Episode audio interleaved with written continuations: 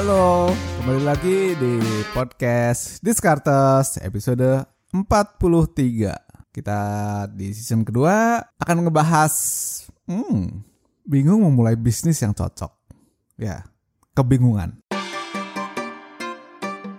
Oke, buat teman-teman yang baru join ke podcast Discartes, ini adalah podcast tentang keuangan, investasi, ekonomi, dan bisnis. Di season kedua, gue akan challenge, gue akan kulik ide-ide dari buku, orang-orang, ataupun berita di sekeliling kita semua.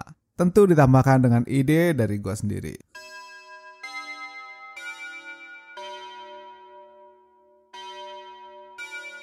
Guys, kalau kalian lihat di kolom komen Instagram atau YouTube, banyak dari teman-teman kita yang ngerasa bingung pas mulai usaha gitu. Well, itu sebenarnya kondisi yang wajar ya dan alasannya juga seharusnya masuk akal. Toh yang namanya pemula itu wajar banget untuk merasa bingung. Sama aja ketika lu invest, lu bakal bingung pas pertama. Ketika lu bangun rumah, bikin kapal, bangun candi atau apa pun yang lu lakuin, pertama kalinya besar kemungkinan akan merasa bingung. Nah di dalam bisnis ini alasannya macam-macam nih. Ada yang bingung karena pencatatan keuangannya. Kayak gimana sih harus nyatet? Kalau misalnya dapat income, terus spending buat beli bahan belanjaan kayak gimana? Terus ada juga yang mengalami kebingungan dalam posisi memasarkan produk. Contoh, duh udah bisa punya sepatu, bikin produk salon dan lain sebagainya. Ini jualannya gimana ya?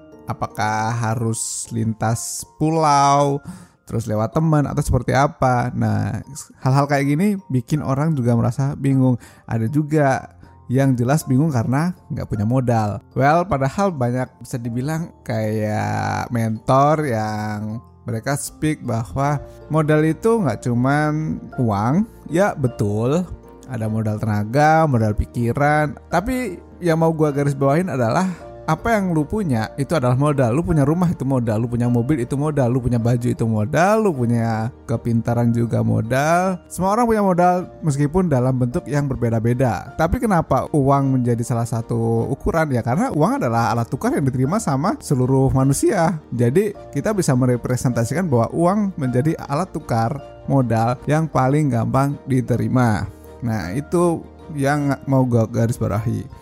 Tapi konteks ini buat teman-teman yang merasa modal uangnya pas-pasan, tipis, kalian harus punya skill, harus punya apa yang bisa dijual selain dari kepemilikan uang itu. Teman-teman, kalian akar kebingungan itu kan sebenarnya bisa karena dua hal. Yang pertama bisa terjadi karena munculnya super excited nih. Jadi kita menjadi sangat semangat pas mulai bisnis, merasa banyak sekali opportunity, tapi galau pilih mana nih yang duluan? Atau yang kedua nih, takut dengan ketidakpastian usaha. Jadi orang yang baru masuk ke dunia entrepreneur, mereka menimbang-nimbang.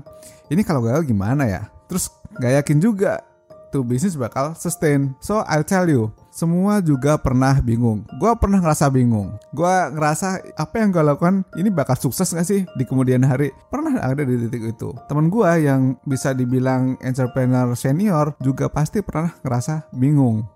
Well, orang sekelas Jeff Bezos, Elon Musk, masa nggak pernah bingung? Pernah. The point is, kamu tuh nggak sendirian bingung. Bareng-bareng itu udah pernah. Asli namanya hambatan, namanya kebingungan di bisnis itu bakal muncul terus dan gak ada habisnya. Udah gitu bervariasi, jadi kita nggak bisa ngelakuin treat yang sama atas masalah yang muncul. Bisa beda jenis, beda subjek individu juga bisa beda. Ditambah beda impact ke calon konsumen, bisa beda treatment juga. Plus lebih lagi nih, problem dalam bisnis itu sebenarnya ada di masing-masing fase. Gue akan ngomong dikit soal fase. Kalau gue ngeliat dan beberapa literatur melihat bahwa fase bisnis ini ada tiga yang major. Misalnya fase pas mulai, terus pas di tengah-tengah atau malah di akhir nih pas berjalan. Itu kan kayak fase-fase juga. Dan tiap fase sendiri udah beda jenis masalah yang muncul. Karakter penyelesaian udah pasti beda juga kan? Jadi gimana kalau kita mengalami kebingungan untuk memulai bisnis yang cocok? Ada beberapa layer beberapa poin yang mau gue share ke teman-teman semua. Yang pertama adalah you don't need motivation, Yup, ini yang akan gue bilang di episode kali ini. Gue nggak bertujuan memotivasi kalian atau mendemotivasi, no. Tapi ketika kita meminta motivasi dari seseorang biar kita berbisnis, berarti memang belum siap. Kenapa kayak gitu? Karena nanti pas bisnis tuh tugas kita untuk memotivasi tim kita sendiri. Meskipun tidak ada seorang pun yang memotivasi diri. Nggak ada seorang pun yang akan memotivasi lo ketika lo harus motivasi orang lain. Kalau ini pertama kali lo bisnis, ingat bahwa kemungkinan besar kamu pasti rugi. So, siap-siap. Ya, siap-siap. Gue nggak bermaksud untuk menakut-nakuti ya. Tapi gue mau bilang ke teman-teman semua bahwa harus prepare benar-benar baik secara mental maupun secara teknik gitu, secara skill. Dan gue rasa teman-teman harus kuat banget nih mentalnya kalau kamu ingin mulai bisnis yang nggak ada ruginya, yang nggak mungkin merugi, well, mending langsung stop dengerin podcast ini. Kenapa? Karena yang nggak ada bisnis yang nggak merugikan.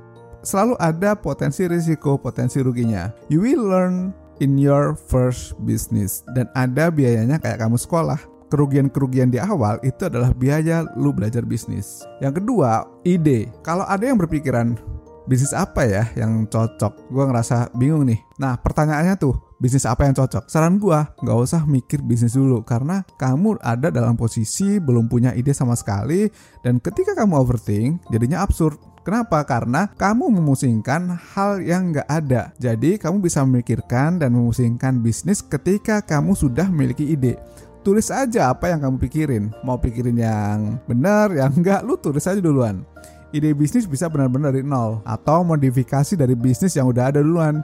Well, sekarang jarang sih kalau gue lihat bisnis yang beneran kosong karena hampir yang dibutuhkan manusia kan udah ada. Mau naik Gojek, ada Gojek. Eh, ya itulah atau lu butuh beli barang udah ada marketplace, Shopee, Tokped dan lain sebagainya. Kalau ketemu bisnis yang benar-benar dari nol ya bagus, tapi artinya kan kamu buka lahan baru gitu kan, tebang hutan, jadi akan butuh resource yang luar biasa banyak. Tapi memodifikasi atau mengupgrade dari bisnis yang udah ada itu juga bagus.